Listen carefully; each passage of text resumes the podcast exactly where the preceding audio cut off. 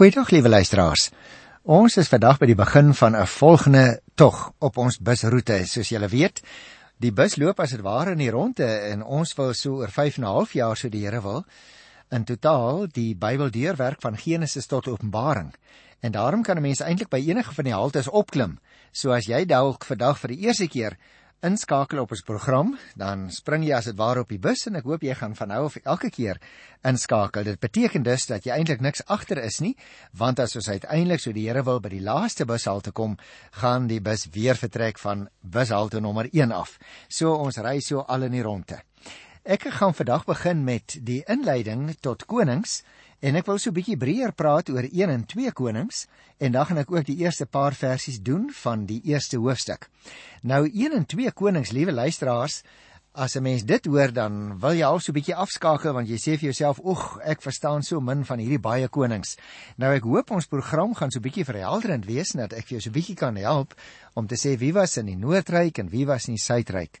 Maar as ek nou inleidend mag praat oor uh 1 en 2 Konings gesamentlik, dan sou ek 'n uh, paar opmerkings wou maak wat uh, oor hoof vir albei die boeke ter sake is en dan gaan ek wanneer ons by uh, twee konings later kom weer so 'n bietjie gesels spesifiek dan oor twee konings naamlik die boek twee konings bedoel ek nou. Ons moet onthou liewe luisteraars as ons nou praat van 1 en 2 konings dat die boek oorspronklik eintlik 'n een eenheid gevorm het.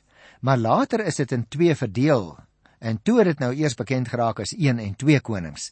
Dit is klaarblyklik gedoen om die formaat van die boekrol hanteerbaarder te maak, want ek kan vir jou verduidelik, elke boek was destyds natuurlik nie in hoofstukke en in versies ingedeel nie. Dit het eers hierso so in die 12de eeu uh, na Christus gebeur, maar dit is 'n ander verhaal. Daarom uh, was hierdie boekrolle soms groot en wou hulle dit kleiner maak dan is dit net eenvoudig meer hanteerbaar. So ek dink die indeling van 1 en 2 konings se basiese motief daar agter is gewoon om die boekrol meer hanteerbaar te maak. Hierdie boeke vertel die verhaal van die Israelitiese monargie van die laaste dae van Dawid en natuurlik ook die begin van Salomo se koningskap waarmee ek hoop om net nou te begin tot by die laaste koning van Juda, naamlik Sedekia en die val van Jerusalem wat daarmee saamgehang het.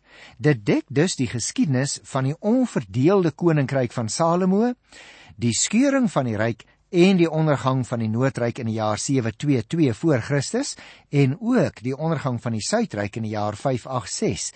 Maar ek sal dit verduidelik wanneer ons daar kom. Ek wil maar net sê watter periode in die geskiedenis gedek word in 1 en in 2 Konings.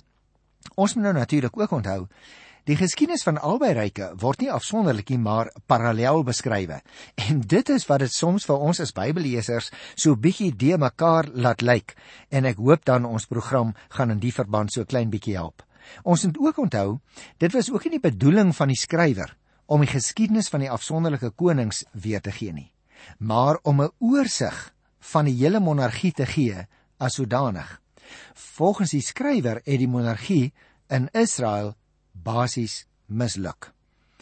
Ons moet onthou dat in die jaar 722 voor Christus die Noordryk wat bekend was as Israel, soms is dit ook genoem Samaria want Samaria was die hoofstad, het daardie Noordryk geval en die Assiriërs wat die veroweraars was, het die inwoners van die land weggevoer en hulle het dit natuurlik ook laat vermeng met ander volke en vreemde persone uit ander kulture geplaas in die ontvolkte gedeeltes wat deur hulle oorwin is. Die gedagte daar agter sou ek sê liewe luisteraars was eintlik maar net om die nasionalisme van 'n plaaslike bevolking so bietjie te ondergrawe. En dan kan hulle natuurlik nie weer maklik sterk leiers na voorstoot nie, dan bly hulle in 'n sekere sin onmagtig en bly hulle onderdanig aan die Assiriërs wat hulle oorheers het. Nou dit was juis hierdie soort maatreëls wat die Noordryk uiteindelik totaal uit die bladsye van die geskiedenis laat verdwyn het. Met ander woorde, as ek dit andersom vir jou kan sê, hoewel daar nog mense oorgebly het in die Noordryk nadat die staat geval het in 722, het die staat Israel, dit wil sê die Noordryk, nooit weer as 'n selfstandige staat herstel nie. En daarom met skok en met verbuistering kan ek my voorstel, het die Suidryk, dit is nou die koninkryk van Juda met Jerusalem as hoofstad, het hulle hiervan kennis geneem wat daar in die noorde gebeur. Hulle het gemeen dat hierdie lot hulle nooit sou tref nie want per slot van sake was die tempel in Jerusalem en die tempel en hulle het eintlik gedink met die tempel in hulle midde is die Here as dit ware met respek gesê en in hakies wil ek dit sê uh verplig om in hulle midde te wees en dit was natuurlik nie so nie. Daarom het hulle ook maar ontrou geword aan die Here en 136 jaar later in die jaar 586 om presies te wees, het die Babiloniërs wat op daai stadium die wêreldheersers was, Jerusalem verower. 'n Deel van die bevolking uit die suidryk is toe ook weggevoer en 'n deel het wel agtergebly, maar na so min of meer 70 jaar het hulle weer begin terugkom en het die suidryk Juda tog weer 'n oplewing en 'n herlewing belewe. Nou kan ek my natuurlik voorstel en dit is baie eenvoudige afleiding om te maak dat dit 'n baie neerdrukkende tyd moes gewees het. Die droom van 'n koning wat as 'n gawe van God vir Israel sou help en die land sou opbou, het eintlik hiermee aan skerwe gelê. Geen een van die mooi koningsideale is in werklikheid verwesenlik nie. In plaas van voorspoed was daar net ellende, veral na die val van die Suidryk en Jerusalem by name. Nou is dit in hierdie tyd na die val van Jerusalem in 586 en tydens die ballingskap dat die geskiedenis van die konings van Israel en Juda beskrywe is.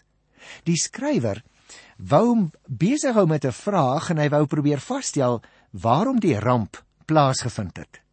Was God ontrou? Het die Here sy volk in die steek gelaat? Wie se skuld is dit nou eintlik?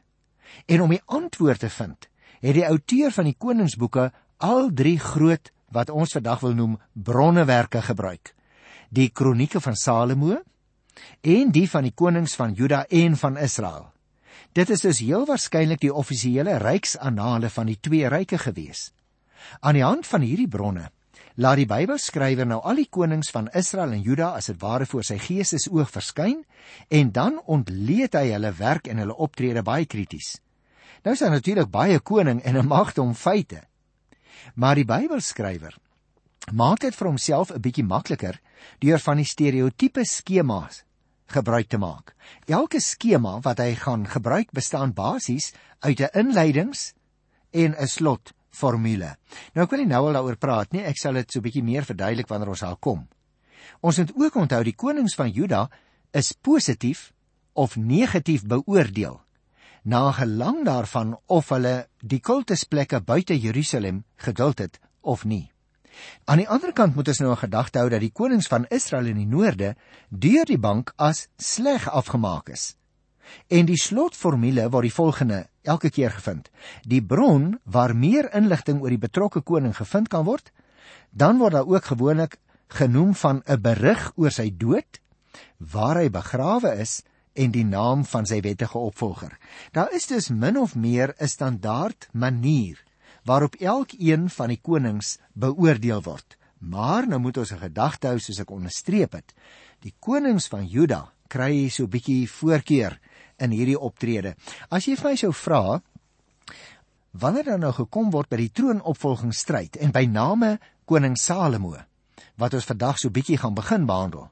Dan sou ek sê die doel daarvan is om die glorie van Salomo as God se seun te teken, maar ook hoe die glorie gelei het tot die einde van die ryk. Dit het ook ten doel om die lotgevalle van die noordryk te teken aan die een kant vanuit die oogpunt van die profete en dan aan die ander kant om die lotgevalle van die suidryk Juda te teken deur die konings aan koning Dawid te meet as die standaard persoon as ek hom so mag noem en ook natuurlik om die optrede van Elisa as 'n profeet van die Here te teken. Nou as jy my sou vra, as ons nou oor een konings gaan begin praat nou, wie was die skrywer? Die antwoord is baie kort: onbekend. Waarskynlik het verskeie persone aan hierdie boek gewerk. En in die proses is daar dan gebruik gemaak van bestaande geskrifte in daardie tyd, soos byvoorbeeld uh die annale van die konings van Juda. Melding daarvan word gemaak in Hosea 14 vers 29 En in vers Hosea 15 by die 31ste vers word verwys na die annale van die konings van Israel. Daarom het ek net nou vir jou gesê daardie wat ek nou sou noem koningsannale was waarskynlik deel van die basismateriaal wat gebruik is toe die eindkompilator die boek uh, 1 Konings saamgestel het of gekompileer het.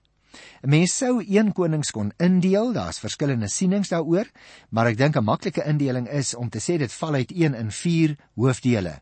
Die eerste waarmee ek net nou gaan begin, handel oor die einde van die troonopvolgingsstryd. Die tweede groot deel handel oor Salomo se bewind Dan kry ons die derde deel wat handel oor die twee koninkryke. Dit wil sê nou die Noordryk en die Suidryk te gelyk en dit is wat gewoonlik ons lesers so bietjie deurmekaar maak. En dan die laaste gedeelte van die boek is eintlik ook 'n wonderlike gedeelte, soos elkeen van die ander natuurlik ook. En die laaste gedeelte handel dan oor die sogenaamde Elia tydperk. Ons sal dit van die 17de hoofstuk afkry. Daar is ook sekere hooftemas wat van tyd tot tyd na vore kom, maar ek sal van hulle bespreek wanneer ons daarby kom. Nou luisteraars, nou wil ek graag dadelik sommer begin met 1 Konings by die eerste hoofstuk, by die eerste vers. En ek sou 'n inleidende opmerking daaroor maak, anders uh, verstaan ons miskien nie presies wat daar gebeur nie. Adonia het homself tot koning laat uitroep. Ons gaan hom nou nou in die teksgedeelte kry. Maar koning Dawid het uiteindelik vir Salomo as sy opvolger laat salf. Na Dawid se dood en op sy bevel het Salomo met 'n hele aantal persone afgereken en vir hom en Dawid wat toe nou natuurlik al dood was, 'n baie groot verleentheid veroorsaak. Maar nou goed, liewe luisteraar, kom ons kyk dan na die eerste 4 versies. En ek gaan hulle eintlik so een vir een behandel, maar om hulle nou nie te veel op te snipper nie, gaan ek eers al 4 lees. Dit begin so. Koning Dawid was al baie oud En selfs as hulle hom goed toegemaak het, het hy nie warm geword nie. Sy amptenare sê toe vir hom: "Laat hulle vir u majesteit 'n jong meisie soek wat u kan bedien en oppas. Sy kan by u slaap sodat u weer kan warm word." Nadat hulle deur die hele gebied van Israel gaan soek het na 'n mooi meisie, het hulle vir Abisag, 'n meisie uit Sunem, gekry en haar na die koning toe gebring. Hierdie meisie was baie mooi en sy het die koning opgepas en versorg, maar die koning het nooit geslagsgemeenskap met haar gehad nie. Nou kom ons praat eers 'n bietjie oor hierdie versies. En dan gaan ek na detail kyk. Jy sien, liewe luisteraar, ons moet 'n gedagte hou. Dawid se onbevoegdheid om te regeer, omdat hy nou oud is, lewer uit die aard van die saak probleme. Dit is 'n doodnatuurlike ding wat in enige ou se lewe gebeur en so ook in Dawid se. Die hofhouding glo nou daar bestaan 'n verband tussen sy lewenskragte en sy seksuele vermoëns en daarom kry hulle 'n jong meisie, Abisa was haar naam, wat hom kan versorg en dalk ook seksueel met hom kan verkeer. Destyds het mense geglo seksuele vitaliteit lei tot lewenskrag en dat die lewenskrag van die koning bepalend is vir die welsyn van sy volk. 'n Kwynende koning voorspel eintlik 'n konstitusionele krisis en daarom probeer hulle enige moontlike reëling tref. Dit wil die hofhouding natuurlik so lank as moontlik uitstel. Maar baie uitdruklik word dan gesê dat dit nie gewerk het nie. Want, so sê die teks, die koning het nooit geslagsgemeenskap met haar gehad nie. Nou kom ons begin nou by vers 1 want ek dink dit is belangrik dat ons ten minste die eerste klompie verse so bietjie in detail sal behandel. Die eerste vers vertel vir ons koning Dawid was al baie oud. Sy ouderdom word in dieselfde term as die van Abraham en Joshua beskryf. Gaan kyk maar weer daar by Genesis 24 vers 1 as jy oor Abraham wil lees in Joshua 23. Aangesien Dawid 30 jaar oud was toe hy koning geword het en 40 jaar lank geregeer het, was hy hier op sy siekbed al 'n persoon van 70 jaar oud. Veral drie sake het tot sy fisieke aftakeling gelei. Nommer 1 Sy militêre aktiwiteite het tot baie ontberings aanleiding gegee. Tweedens natuurlik sy pligte as staatshoof het hulle tol geëis en nommer 3 sy gesin het sy lewe versuur. Ek het al so 'n bietjie meer daaroor gesels in die verlede. Alhoewel hy, so sê die teks, goed toegemaak is met talle komberse, het hy nie warm geword nie. Die prentjie is tipies die van 'n ou bejaarde persoon wie se kragte uitgeloop het en wat aan die einde van sy lewe gekom het. En daarom in die tweede vers het ons gelees dat sy amptenare wat ook tussen hakies dokters ingesluit het. As jy nou gaan kyk daar in Genesis 50 vers 2, uh, is 'n interessante opmerking die verband. Maak toe die voorstel dat 'n jong meisie, so word sy genoem, gekry moet word om hom warm te maak. Die meisie moes huwbaar en 'n maagd wees. In daardie tyd was dit natuurlik 'n maatreël wat deur dokters voorgeskryf is. Hitte en lewenskrag moes van die jongere na die ouer persoon toe oorgeplaas word. Die derde vers het vir ons vertel in die hele Israel is na 'n geskikte meisie gesoek. Ek kan my net voorstel dit moes erger gewees het as die skoonheidskompetisies van ons tyd want die wenner van daardie kompetisie as ek dit nou so mag uitdruk, ooh, sy gaan die laaste jare het hulle gehoop met die koning saamlewe. Die woordjie Israel hier in vers 3 wil ek net dadelik sê sluit in hierdie konteks Juda en Israel in. Want onthou, die term Israel word soms ook in breër verband gebruik vir al twee die koninkryke. En onthou nou baie goed op hierdie stadium kan jy van Juda praat of jy kan van Israel praat want daar is nog nie twee koninkryke nie. Al 12 die stamme vorm op hierdie stadium dus nog 'n een eenheid. Maar terug na vers 3. Liggaamlike aftakeling is natuurlik deel van die ouderdom. Daar's baie voorbeelde veral in die Ou Testament van ou mense en hoe 'n belangrike rol hulle gespeel het in die kultuur van daardie tyd.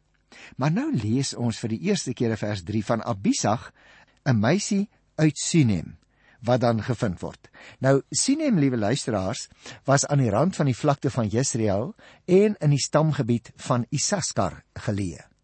Dit is dus duidelik dat dit nou nie gegaan het oor die koninkryk van Juda nie maar die hele grondgebied van wat later Noord en Suidryk was, kom in aanmerking vir hierdie baie besonderse meisie wat gesoek word vir die koning. En dit is gesien in die 4de vers dat daar uitdruklik gesê is dat sy vir Dawid versorg het, maar geen geslagsgemeenskap uh, het ooit plaasgevind nie en ek het nou al 'n paar opmerkings daaroor gemaak. Nou kom ons lees vers 5 tot by vers 10 en dan gesels ons ook daaroor Maar ek gaan eers net tot by vers 6 lees dink ek anders word dit te lank.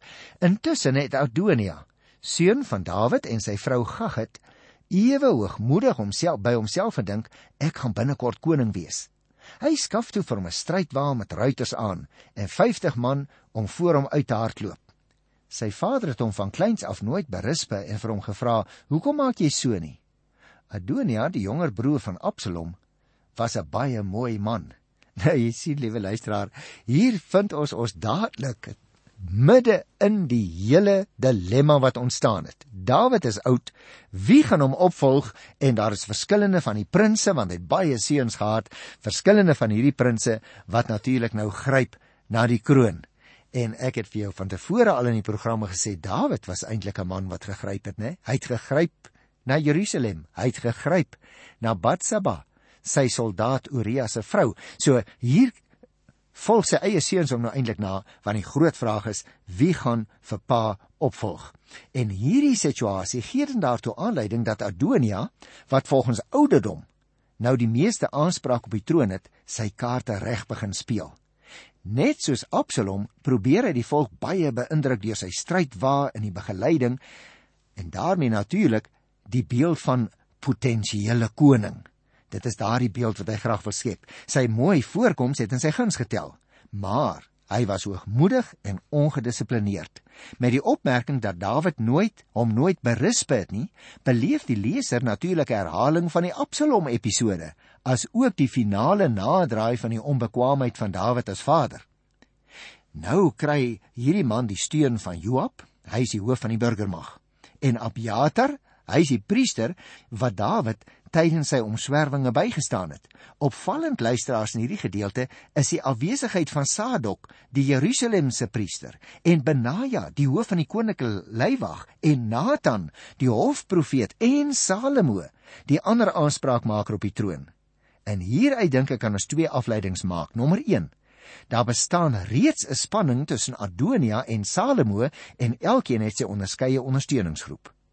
Die tweede rede sou ek sê, Adonia se fees wat hy hou toe hy homself as koning laat uitroep, was nie 'n onskuldige byeenkoms nie, hoewel dit nie uitdruklik gesê word dat hy wel tot koning uitgeroep is nie. Dit kan alleen in die teks afgelei word. So as 'n mens dit nou lees hier van die 7de vers af dan dan sien jy dit. Hy, dit is nou Adonia, het met Joab die seun van Seruja met die priester Abiatar onderhandel en hulle het hom ondersteun. Daar word nie gesê hy is tot koning gesalf of aangestel deur iemand nie.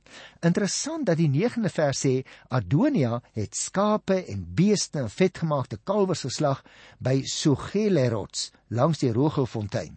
En toe al die koning se seuns, sy broers daarin genooi en ook die manne van Juda wat in die koning se diens was. Maar hy het die profeet Nathan en Benaja, die leiwagte en die broer van Salomo nie genooi nie. Dit het ek vir jou uitgewys, ek wil nou nie meer daarop uitbrei nie, want ek wil nou graag kom hierso van die 11de vers af. En ek gaan dit ook net oorsigtelik behandel ter wille van die tyd. Want hier kry ons nou die eerste konflik en die komplikasie daarvan naamlik Nathan en Batseba. Luister nou mooi. Nathan en Batseba, die moeder van Salomo, reageer op hierdie partytjie wat Adonia nou gehou het deur die kwynende koning aan te hits tot sy laaste kragtadige optrede, naamlik die aanwysing van sy opvolger as koning. Nou arme ou Dawid wil ek amper sê. Hy's heeltemal oud en hy's moeg Hy kan nie regtig meer hierdie dinge doen nie, maar nou word hy geforseer om dit te doen.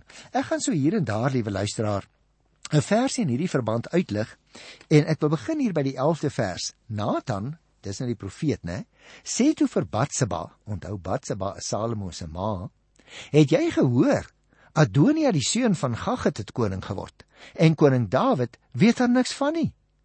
Laat ek jou nou goeie raad gee sodat jy jou eie lewe en jou seun Salomo se kan red so sê die profeet. Gaan na koning Dawid toe, sê vir hom: "U majesteit, u het mos vir my met 'n eed beloof my seun Salomo sal na u koning word, en dit is hy wat op die troon sal sit. Hoe is dit dan nou dat Adonia nou koning geword het?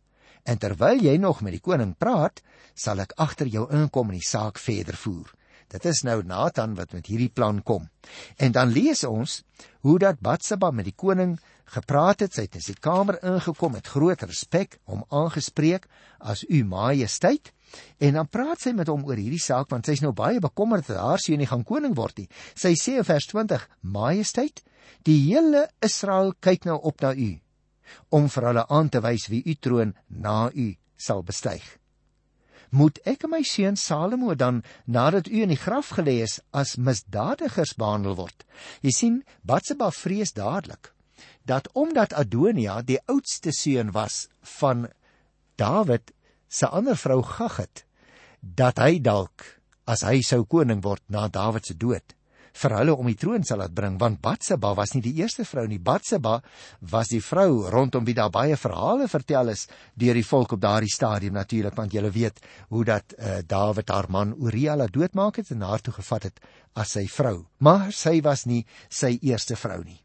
En nou word die storie dan verder oorgeneem en sy word as dit ware ondersteun deur die profeet wat nou agter haar gestaan het en nou kom staan hy langs Dawid se bed en hy sê: Hulle eet en drink daar saam met hom, hulle roep: Lank lewe koning Adonia.